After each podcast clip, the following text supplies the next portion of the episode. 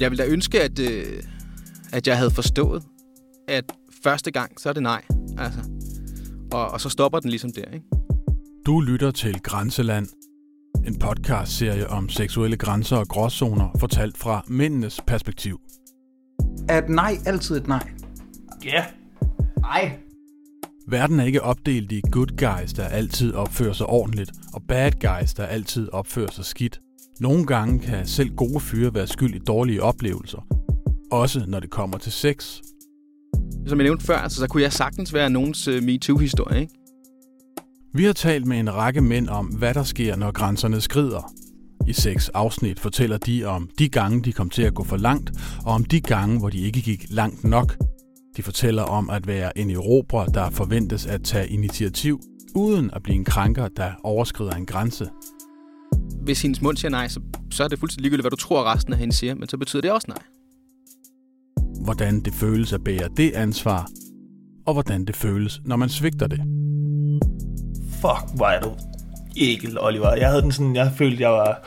Fy for helvede, var jeg gået langt over grænsen, ikke? For hvad nu, hvis vi faktisk kan få sjovere sex med færre fejltrin, hvis mænd begynder at tale om, når sex er svært og sårbart, og tvivlen nærer og ansvaret tynger? Det er ikke fordi, jeg ikke kan få noget at stå. Det kan jeg sgu altid. Men du rammer, når du rammer nogle dage, hvor du bare ikke har lyst. I denne udgave skal vi møde Tobias Holst, der er 30 år gammel, speciallærer og far til en snart to. Og noget af det, som jeg øh, arbejder allermest med, det handler om, om seksualorientering. Og vores helt egen Mathias Minke på 27, der sammen med tre jævnaldrende venner, Løstrup, Oliver og Daniel, ser tilbage på deres egne usikre gymnasieår. Tror, der eksisterer sådan noget som, øh, som, som hul søstre. Det er, for, det er et virkelig godt spørgsmål. Mit navn er Rasmus Bo Sørensen. Velkommen til.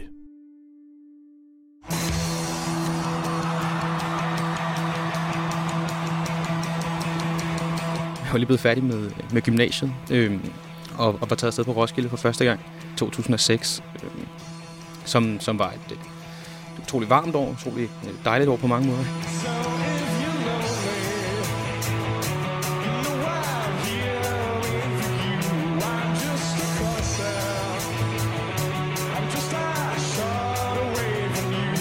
Vi havde fået en lejr, øh, som lå øh, helt ude ved kanten over i Camping Vest. Øh, og øh, da vi lå simpelthen lige op ad hegnet, øh, og hvis man har været på Roskilde, så, så ved man godt, at der er rigtig meget trafik ude ved kanterne. Øh, og især øh, oppe af hegnet er der rigtig mange, der skal ud og tisse.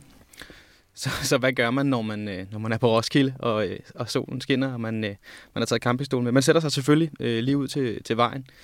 Og så begynder man sådan, øh, med sine kammerater øh, først at snakke om, hvem der går forbi. Og det gør alle mennesker, når de sidder der. Ikke? Men det, der så er interessant, det, det er jo, at, at så begynder vi lige pludselig at lægge mærke til, at, øh, at man jo også kan, kan, kan sige noget til dem, der går forbi. Øh, og så øh, der kommer rigtig mange kvinder forbi øh, i alle mulige forskellige afskygninger. Øh, og, og vi fandt så på, at vi synes, det var rigtig interessant at øh, fortælle dem, hvor, øh, hvor de lå hen på sådan en skala fra 1 til 10 i forhold til, hvad, hvad vi godt kunne lide. Ikke?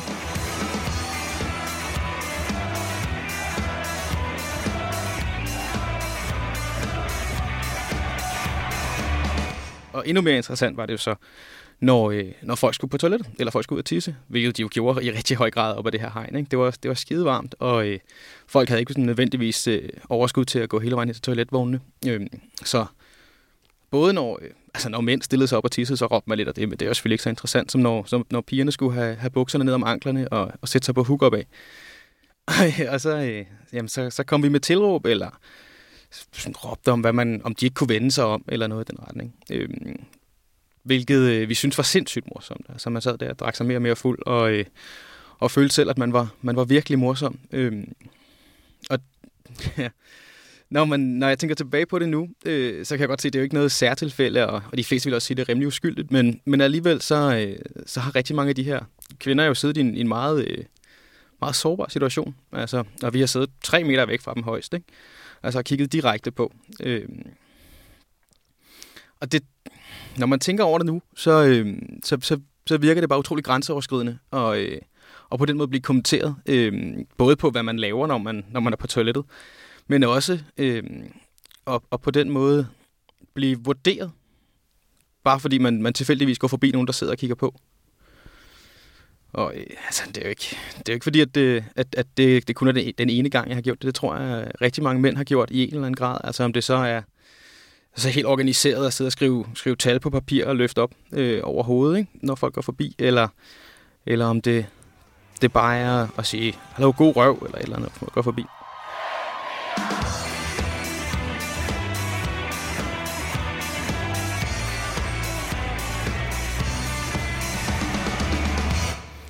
Men, men det, der er rigtig interessant, og det, som, som jeg først sådan er kommet til at tænke over bagefter, det er, at det jo på ingen måde er interessant for de her mennesker, hvad, hvad jeg synes.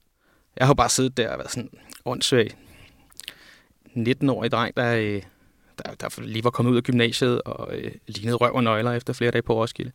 Og jeg i virkeligheden ikke var spor interessant, og måske heller ikke sådan havde vanvittigt meget at byde på i forhold til de her mennesker. Men alligevel, så, øh, så synes jeg, det var væsentligt, at, at de forstod, hvad jeg mente om dem. Øh, og, og det ser jeg rigtig meget øh, i forhold til øh, mænd i forhold til kvinder. Øh, at, at vi har en eller anden forståelse af, at, at kvinderne skulle være interesseret i, hvad vi synes om deres udseende. Øhm, jeg, jeg, tror, jeg tror, mange mænd føler sig berettiget til at komme med deres holdning, fordi vi bliver opdraget til, at, øh, at vi er vigtige, at det er vigtigt, at vi bliver hørt. At, øh, at vi hver især har, øh, ikke blot med, at vi har en, en holdning, der er vigtig, men også, at, at den skulle betyde noget for andre jeg, jeg kommer selv fra en, fra en familie, hvor, øh, hvor min far er meget i centrum. Øh, og ligesom er, at, at, at det de, at de ord, der ligesom betyder noget. Ikke? Øhm, og, og det er jo ligesom bare sådan, det er. Sådan er det jo for, for rigtig mange familier. Øh, de fleste, jeg har, jeg har været i. Og det behøver ikke nødvendigvis at være dårligt, medmindre man begynder at, øh, at, for det første at presse andre folks holdninger ud, eller mene, at folk skal agere på det, man siger. Øh, fordi når man, når man presser sin holdning ind et sted, så gør man det jo også ofte med en følelse af, at folk bør reagere på det. Øh, og folk bør gøre, som vi, siger, som vi siger. Ikke? Hvem skylder hvem en, en 20'er? Over en omgang pasta diskuterer de fire gode venner, Menke, Løstrup, Oliver og Daniel, konceptet hulbrødre. Og der er et regnskab at gøre op. Men, altså, Danny skylder mig en 20'er. Fra min øh, første, jeg var sammen med. Nå, ja, det er rigtigt. Det er ja. rigtigt ja. Og så er der faktisk ikke øh, flere, der skylder mig en 20'er. Du kan måske uddybe, hvorfor det er, jeg skylder en 20'er. Jamen, det er simpelthen fordi, at min, øh, hende, jeg var før sammen med første gang, øh, rigtig øh, sød, storbarmet pige, som, øh, som var sød nok, og jeg hyggede mig med, øh, var Daniel simpelthen også sammen med i øh, gymnasiet. Og der hører faktisk en historie med sådan her, fordi at det er øh, den sødeste, øh, sødeste telefonopkald, jeg nogensinde har fået fra øh, en ven, som øh, ringer til mig øh, og siger, Oliver, jeg øh, står her i, øh, i poolen sammen med øh, hende, jeg var i, sammen med først, første gang. Altså og det skal faktisk lige være med her, at det er fire, fem år efter, ringer han til mig altså, og spørger, om han øh, simpelthen har lov til at kysse med hende, før han gør det i poolen. Øh, og øh, jeg, jeg grinte og smilte over hele femmeren, for jeg synes simpelthen, at det var så sødt, at han tænkte på mig i øh, sin, for at sige det lige ud, liderlighed. ja, øh, og det gav han selvfølgelig lov til. Ja. ja. Så øh, du skylder faktisk ikke en 20 alligevel, synes jeg. Jeg synes, jeg synes du, øh, du øh, spurgte pænt om lov. Hvad tror I, der eksisterer sådan noget som, øh, som, som hul søstre? Det er, det er et virkelig godt spørgsmål. Altså, vi har jo altid den der, vi har altid fået fortalt, at piger, de er faktisk meget mere dirty-minded, end, end vi er. Og de snakker lige så grimt, eller lige så dirty, når de er sammen med deres veninder. Men jeg kunne, jeg, jeg, kunne, jeg kunne ikke forestille mig andet. Selvfølgelig er der noget, der hedder... Hvad du kaldte du det? ja, hulsøstre. Ja, hulsøstre. Det må være stavsøstre så. Det, ja. Eller... ja, ja. Jeg ja. ved ikke, hvad Men jeg mener, har I nogensinde hørt en, en, øhm, en pige, øh, eller hørt historier om en pige, der har sagt til en anden øh, kvinde, at du skylder mig en 20'er? Det tror jeg faktisk, jeg har hørt en gang, eller sådan noget, men altså, nu sidder vi jo her, vi kan alle sammen huske de piger, der var i vores omgangskreds, der var sammen med mange. Det var jo, altså, det var jo ret tabubelagt. Altså, jeg kan huske, jeg var faktisk lidt vild med en fra Harskov. Store, store mader. Så øh, det går igen, det der ja. Ja, ja, øhm, som havde været sammen med sindssygt mange. og havde været sammen med sindssygt mange i min vennegruppe, og så Ja. ville jeg jo ikke være sammen med hende. Øh, selvom jeg synes, hun var rigtig sød. Hvorfor vil du ikke det? Fordi hun havde været sammen med for mange, og så kunne man blive kørt på osv. Så, videre. så det handlede jo lidt om ens egen er usikkerhed. Ja. Øhm, og det er jo også den der med, for eksempel da jeg snakkede om introen til dig, du var jo en tyr i mine øjne, ikke? fordi du var sammen med mange. Hvorimod at alle drengene kiggede lidt ned på hende, der var sammen med mange til... Altså, det gjorde vi, men samtidig så håbede alle, at man kunne få et lille stykke af hende alligevel, ikke? Altså. Jeg tror ikke, kvinder har det på samme måde med, eller pigerne dengang, specielt teenagepiger tænkte, nu har han ligget og ordnet fire eller fem af mine nærmeste veninder. Jeg var vild med ham før. Måske er jeg ikke lige så vild med ham. Men det, det ved jeg sgu ikke helt, øh, Danny, fordi du var fandme også, øh, du var også vidt omkring, og kæft, hvor ville mange piger have dig, da vi var i folkeskolen. Ikke at de ikke vil have det mere, men du var virkelig, nej, men du var virkelig øh, en af dem, der var øh, i høj kurs. Mm. Og øh, det gjorde da ikke noget af dig, at du var sammen med flere.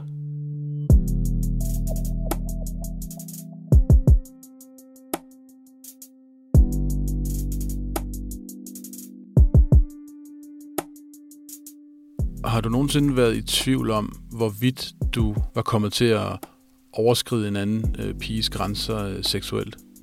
Altså, det er jeg ikke længere. Altså, det, det ved jeg, jeg har gjort, ikke? Øhm, altså, jeg kunne sagtens øh, have været en, en, en gammel studiekammerats øh, historie om, at jeg overnattede hjemme hos hende, og hun blev nødt til at fortælle mig to gange, at vi ikke skulle knalde den aften. Øhm, så, så på den måde er jeg der blevet mig altså, sindssygt bevidst om det, jo, så jo ældre jeg er blevet, ikke?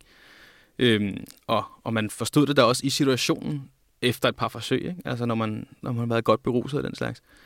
Øhm, jeg, jeg håber ikke, at det er sket mere end altså, en lille, en, et, et lille antal gange. Det, det har jeg egentlig ikke nogen sådan sådan erindring om. Øh, men, men man kan også sige, at, at én gang er, er en gang for meget. Ikke?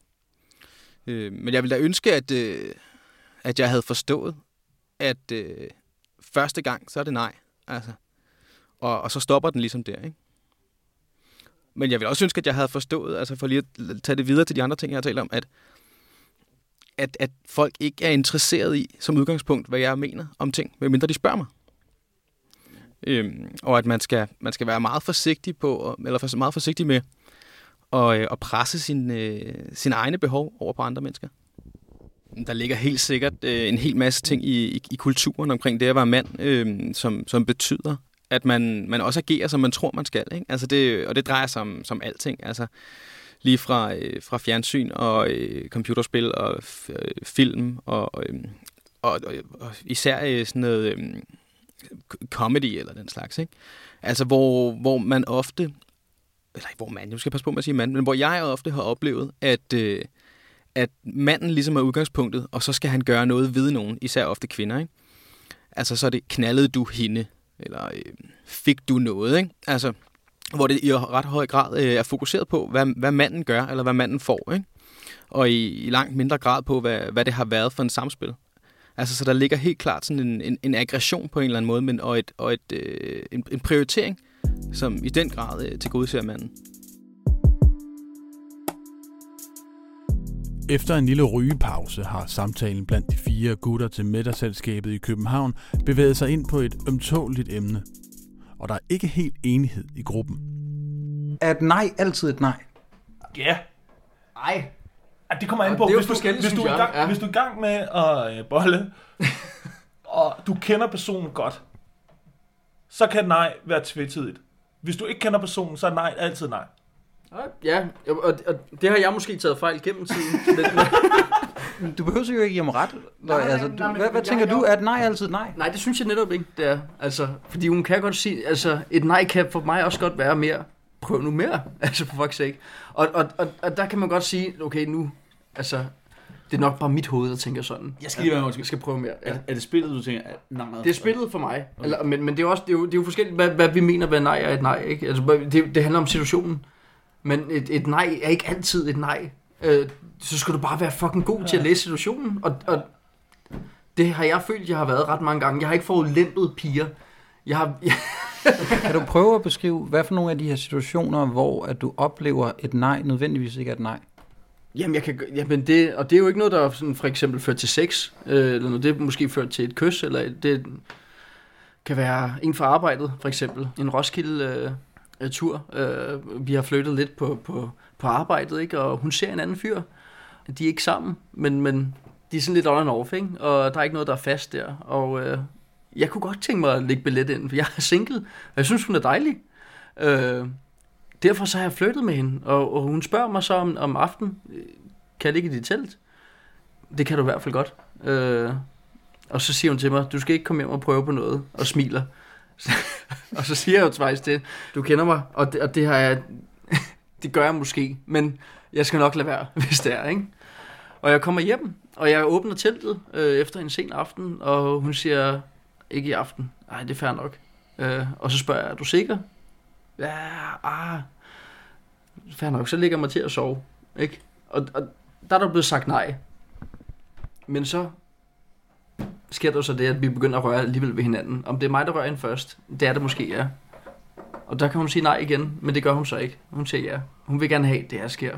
I mit hoved, tænker jeg. Men det er jo, det er jo ja. Der tager man den også lige i kontekst. Ja. Hun spørger jo, om hun kan sove i dit telt. Ja. Det, altså, det, Det det, er jo- jo, det kan godt være, at man ikke... Men det er det, jeg altså, mener med, med at læse situationen. ja, ikke? Og ja, jeg vil ikke gå præcis. i, i, i detaljer med det på den måde, men, men, men jeg ser fra starten af, at der er en person, der måske gerne vil være sammen med mig. Men hun har jo svært ved det, ikke fordi at hun er bange for, at jeg forulemper hende, men fordi hun har en anden fyr, hun lidt ser. Og så er det jo bare det, det handler om, det er jo, så må jeg godt bryde ind i mit hoved. Ellers så må hun være, fordi hun er ikke dum jo, hun er ikke en lille pige. Hun er en voksen dame. Hun kan tage sine egne beslutninger. Hun På vil ligge inde i det telt. Hun, nej, nej, nej, det, hvis det var det tilfælde. Altså, vi var begge to 26 år gamle, ikke? På det tidspunkt.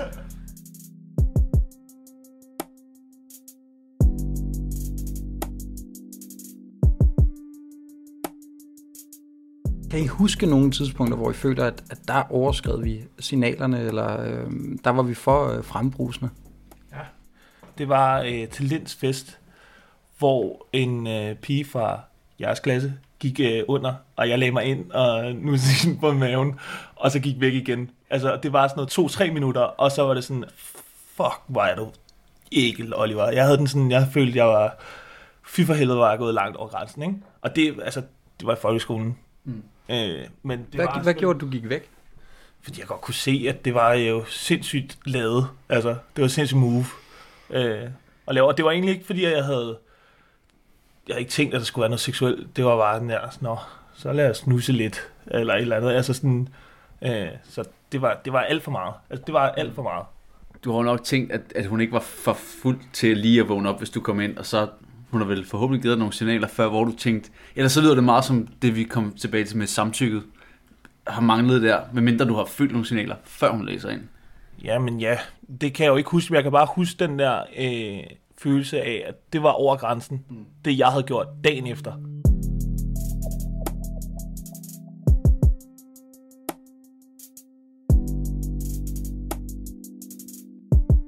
Jeg arbejder som lærer, ikke? Øh, og noget af det, som jeg, jeg arbejder allermest med, det handler om, om seksualorientering i, i skolen. Jeg, jeg underviser i, i samfundsfag og, øh, og står også for, for seksualorientering. Og for, for mig handler det rigtig meget om at få de unge til at forstå, hvad grænser er. Øh, så, så for mig er det rigtig vigtigt at, at arbejde modsat de her populærkulturelle referencer, som de unge får. Ikke? Jeg, havde en, øh, jeg havde et forløb sidste år, hvor øh, jeg skulle evaluere det bagefter, altså u 6 der. Øh, og så, så en af mine elever, så spurgte jeg ham, hvad har du lært? Og så sagde han, øhm, jeg har lært, at hvis man prøver at kysse en pige, og hun siger nej, så skal man lade være. Øh, og det, det var virkelig, øh, det var måske den mest sådan, grundlæggende øh, succes, jeg overhovedet øh, kunne have. Ikke? Altså det, det vigtigste overhovedet, at jeg har fået en ung mand til at forstå, at, at hvis pigen hun siger nej, så skal man holde op. Men det, det siger bare også rigtig meget om den kultur, vi har, at, at det ikke var noget, han vidste på forhånd. Altså det var en, øh, det var en knægt i 10. klasse, ikke? Som, som åbenbart øh, skulle lære det her, og, og ikke havde fået det at vide fra andre steder. Øh, det synes jeg bare siger rigtig meget om den måde, vores unge mænd, de, de vokser op på. Øhm, altså, at, at de, øh, de vokser op med en forståelse af, at hvis hun siger nej, så betyder det i virkeligheden ja. Altså, vi, vi kender alle sammen det her gamle udtryk, øh, hendes øh, mund siger nej, men hendes øjne siger ja. Ikke? Øhm, og der bliver vi nødt til at, at lære os selv, og, og især vores, vores unge mennesker, at, at hvis hendes mund siger nej, så, så er det fuldstændig ligegyldigt, hvad du tror resten af hende siger, men så betyder det også nej. Ofte så, når man kommer til at tale om øh, sådan noget som samtykke, så bliver det øh, måske karikeret, at skal vi så til at finde øh, papir og og kuglepind frem og underskrive en kontrakt. Eller, og rigtigt kan det måske også være, at det er noget, der måske kan være svært at tale om. Men er der, hvad fortæller du dine øh, elever, når det kommer til, hvad er samtykke? Hvordan opnår man det i praksis? Altså i forhold til øh, at, at lære eleverne om, om samtykke og forstå, hvad andre mennesker signalerer, så, så har jeg sådan en, en meget god øh, sådan tommelfingerregel, som hedder, hvis du er i tvivl, så skal du spørge. Og det vil altså sige, at hvis der er den mindste smule tvivl, altså overhovedet, så, øh, så er det bedre at være på den sikre side, end at gøre noget, der kan øh, få negative konsekvenser for, øh, for den anden, eller også for en selv. Ikke? Mange af mine elever øh, er et sted på, på autismespektret, øh, så de kan godt have rigtig svært ved at aflæse kropssprog eller øh, mimik, eller hvad det kan være. Øh, så der, har vi, der arbejder vi rigtig meget med sådan helt praksis, at så står jeg med, med armene over kors, eller jeg kigger væk, når vi holder en samtale, for at de kan se, hvordan øh, folk kan reagere, hvis de er øh, utrygge ved en, øh, ved en samtale. Og omvendt, altså hvad der kan være af øh, sådan, øh, mere indbydende øh, gestus. Altså, hvis øh, nogen lægger øh, hånden på knæet af en, så er de måske mere interesseret i, at man kommer lidt tættere på. Hvorimod, at hvis man, hvis man knytter, øh, eller lægger armen over kors, eller øh, sådan noget, og rykker væk, så, øh, så er det tegn på det modsatte. Øh, så, så, vi, øh, altså, så, vi, så vi øver faktisk de her ting sådan helt, øh, helt fysisk. Altså, vi taler om, øh, om sådan personlig rum. Øh, jeg prøver at stille mig helt tæt på, for at vise dem, hvordan det føles. Ikke? Altså selvfølgelig har jeg spurgt dem først, ikke? Altså, om, om der er nogen, der har lyst til at deltage, så jeg ikke kommer til at overskride deres grænser. Men, men arbejder helt konkret med det, og det, det, det er gavnligt for mange af mine elever, øh, fordi de har nogle udfordringer i forhold til at aflæse andre. Men, men jeg tror faktisk også, det er gavnligt for, øh, for mange øh, unge mennesker på, altså, i normalområdet. Altså som i, ifølge i hvert fald øh, sådan, øh, videnskaben ikke burde have problemer med at aflæse øh, signaler. Fordi vi jo altså især som mænd, bliver opdraget til at øh, vise, opmærk- eller, vise interesse ved at gå tættere på. Altså ved at, ved at overskride nogle grænser. Øhm, og så er det, at man skal være rigtig, rigtig dygtig til at læse folk, hvis man kan finde ud af, hvornår kan man gøre det, og hvornår kan man ikke gøre det. En af de erfaringer, som jeg tror mange mænd har hentet med ned fra populære kulturelle referencer, film, musik så videre, er billedet af den der romantiske overskridelse. En mand, der ikke tager et nej for et nej, bliver ved med at pushe på, og ender med at blive belønnet for det i sådan en eller anden form for romantisk arbejdssejr. Og det netop er det smukke. Han forstod bedre end hun, at hun egentlig gerne ville, og så ender det lykkeligt. Hvis man som mand ligesom har set øh, det hyldet og portrætteret tilstrækkeligt mange gange, øh, så bliver det vel også sværere helt at tro på det der nej, Jamen, det er helt klart, at, at den her... Øh, altså, vi kan jo godt omtale det som en, en romantisk held, eller sådan noget, der øh, simpelthen bliver ved med at opsøge øh, kvinden på hendes arbejde, eller i hjemmet, og lægger små øh, sædler og sådan noget. Øh, altså, jeg synes, det bliver mere og mere klart, øh, at, at han i virkeligheden er en stalker, ikke? og at, at den måde at arbejde på simpelthen kun fungerer i film. Jeg tror, vi skal til at se den her slags øh, film, sådan romantiske komedier, hvor, øh, hvor manden lige pludselig venter i hendes lejlighed med, øh, med, med 18 røde roser og røvfuld lys. Altså, jeg tror, vi skal til at se dem mere i samme genre som Die Hard. Altså, der er jo heller ikke nogen af os, der tror, at vores politibetjente skal klatre op i en, en skyskraber og skyde en masse terrorister. Altså, at, at, det er, at det er noget, der ikke sker i virkeligheden, og at det, er, og at det heller ikke er til efterlevelse. Altså, jeg, jeg tænker, hvis, hvis en af vores politibetjente øh, agerede sådan, så ville vi måske også spørge om, om det var den rette måde på hans arbejde. Og på samme måde skal vi kigge på øh, de ting, der sker i filmene som, som, som fantasier. Øh, og øh, blive opmærksom på, at, at hvis vi gør det i virkeligheden, så får det en helt anden betydning. når jeg står oppe i baren, ikke? og folk spørger mig om bilen der. Fra de usikre ungdomsår har snakken blandt de fire unge fyre bevæget sig frem til de mindst lige så usikre voksenår i et fast parforhold det har været meget nemmere for mig at tale om øh, de, de episoder, hvor det gik godt, ikke? Øh, end eksempelvis, hvor at du havde dit, uh, dit fist øjeblik. Ikke? Og et fist øjeblik, det, øh, det kender vi måske alle sammen, men det er måske ikke noget, vi alle sammen snakker om. Vel? Men jeg har i hvert fald været igennem den periode, hvor at jeg simpelthen ikke rigtig har kunne få den op at stå. Altså en form for psykisk øh, impotens, der ikke skyldes øh, alderdom, altså jeg er i min, i min bedste fysiske alder, men hvor der stadigvæk er et eller andet, der kortvejs inden i et samleje gør, at jeg ikke kan, kan få den op at stå, hvor, hvor jeg på en eller anden måde selv bryder med den forestilling om, hvad det vil sige at være, være en mand. Hvor, hvor, hvordan, oplever, hvordan oplever I den samtale eller, eller, eller det spil? Jeg har aldrig oplevet den, altså selv. Jamen, det er alt talt. Jeg har aldrig, no, no, ikke på den måde, men jeg har aldrig... Jeg har, jeg, har aldrig, jeg har aldrig ikke kunne få den op at stå. Øh, men det, jeg ikke kunne få den op at stå, er jo også, altså det er jo det samme som at sige, altså, jeg kommer efter 10 sekunder. Altså det, du ved, du har nogle ting, du skal leve op til som mand. Du skal kunne please her, ikke? Altså, hvis, det, hvis du ikke kan få den op at stå, det er jo det er noget lort, ja.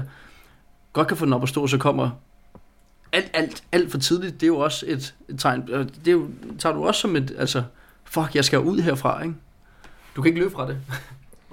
Men altså, jeg vil sige, jeg har ikke prøvet det, altså, seksuelt selvfølgelig har man prøvet det i mindre grad, hvor man lige har tænkt, det altså, kæft, hun tager styring. Ja, Mm. men jeg tror, jeg har mere prøvet det, altså parforholdsmæssigt, hvor at jeg har følt mig som en mindre mand. Øh, og det har måske været, hvor hun har domineret mig i en så høj grad, at jeg har følt, at jeg blev undermineret. Og ikke at kunne tage mine egne beslutninger, eller kunne faktisk... Jamen, det har sgu været lidt min mandighed. Altså, det er sgu lidt... Altså, jeg ved, jo, det er sgu lidt at kunne tage styring. Det er det altså for mig. Det er lidt at kunne... Øh, totalt gammeldags, men fortælle, her står skabet. Og når jeg ikke har mulighed for det på nogen måde, så føler jeg mig sgu som mindre mand. Øh, og øh, i mit, det parforhold, jeg havde der, der var det bare selvforstærkende. Mm. Altså, fordi så følte jeg mig mindre og mindre mand. Jeg kan i hvert fald huske der, i den periode, hvor jeg oplevede øh, mit fisteøjeblik, at det var også var noget, vi talte om. Og det kan godt være, at det bygger på noget, vi har fået inspiration fra, fra eksempelvis øh, langt fra Las Vegas, hvor at, at fisteøjeblikket blev i talesat. Men man måtte ikke tale om det og have slap penis, fordi hvis du taler om det, så er det noget, der smitter, fordi det ligger i psyken. Så hvis du først begynder at kringe din psyke, så er det noget, der kan, kan, kan smitte til, til andre. Og det kan jeg i hvert fald huske, at det, at det, at det, at det, det synes jeg var, var, var hårdt. Men hvorfor havde du, hvorfor havde du et fist øjeblik? Altså hvorfor, fordi det er jo ikke, det er jo ikke fordi, at du lige pludselig ikke kunne få stiv diller. Det er jo noget psykisk. Har du prøvet at rationalisere dig frem til, hvad, hvad, hvorfor?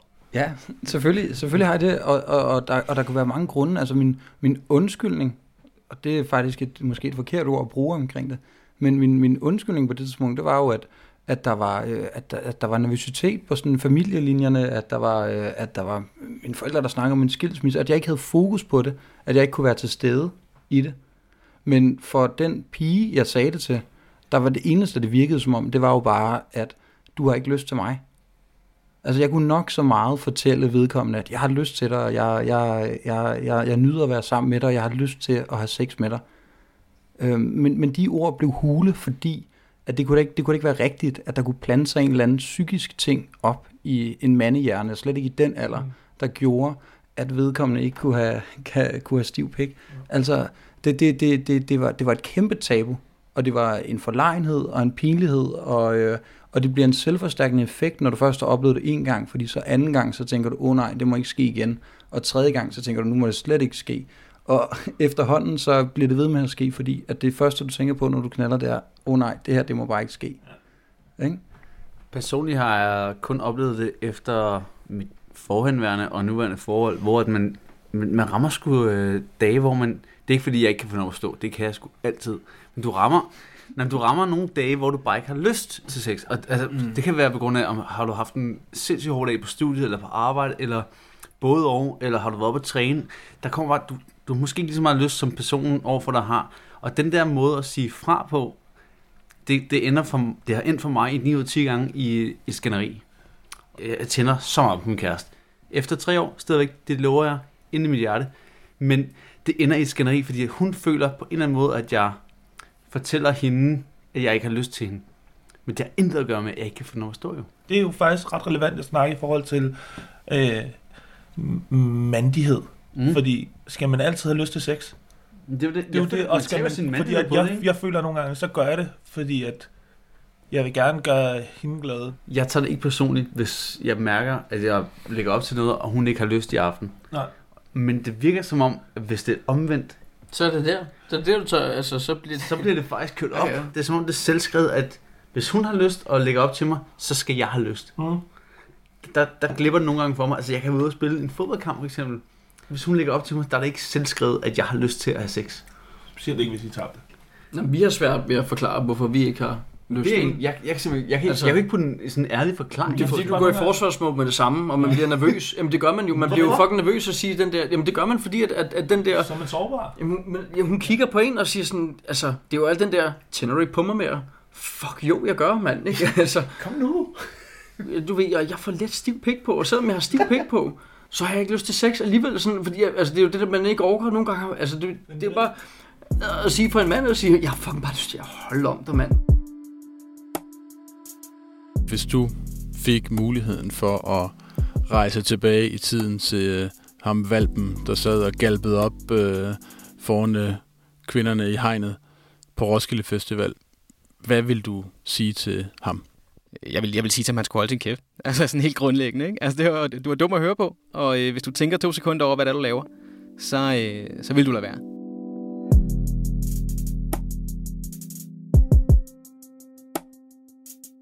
Du har lyttet til Grænseland, en podcastserie fra Information om seksuelle grænser og gråzoner, fortalt fra mændenes perspektiv. Du kan læse meget mere om projektet på information.dk-grænseland, hvor du også kan tilmelde dig vores serie og få direkte besked, når der er nye artikler og podcasts. Hele projektet er støttet af foreningen Roskilde Festival, og tusind tak for det.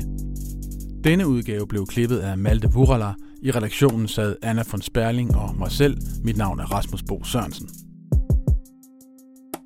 I næste episode af Grænseland kan du møde Bjarke, der efter en fest sidste sommer kom til at overskride en grænse med en veninde. det gør også situationen lidt, lidt mere speciel. Altså, det er jo min, det er jo min kones gode veninde.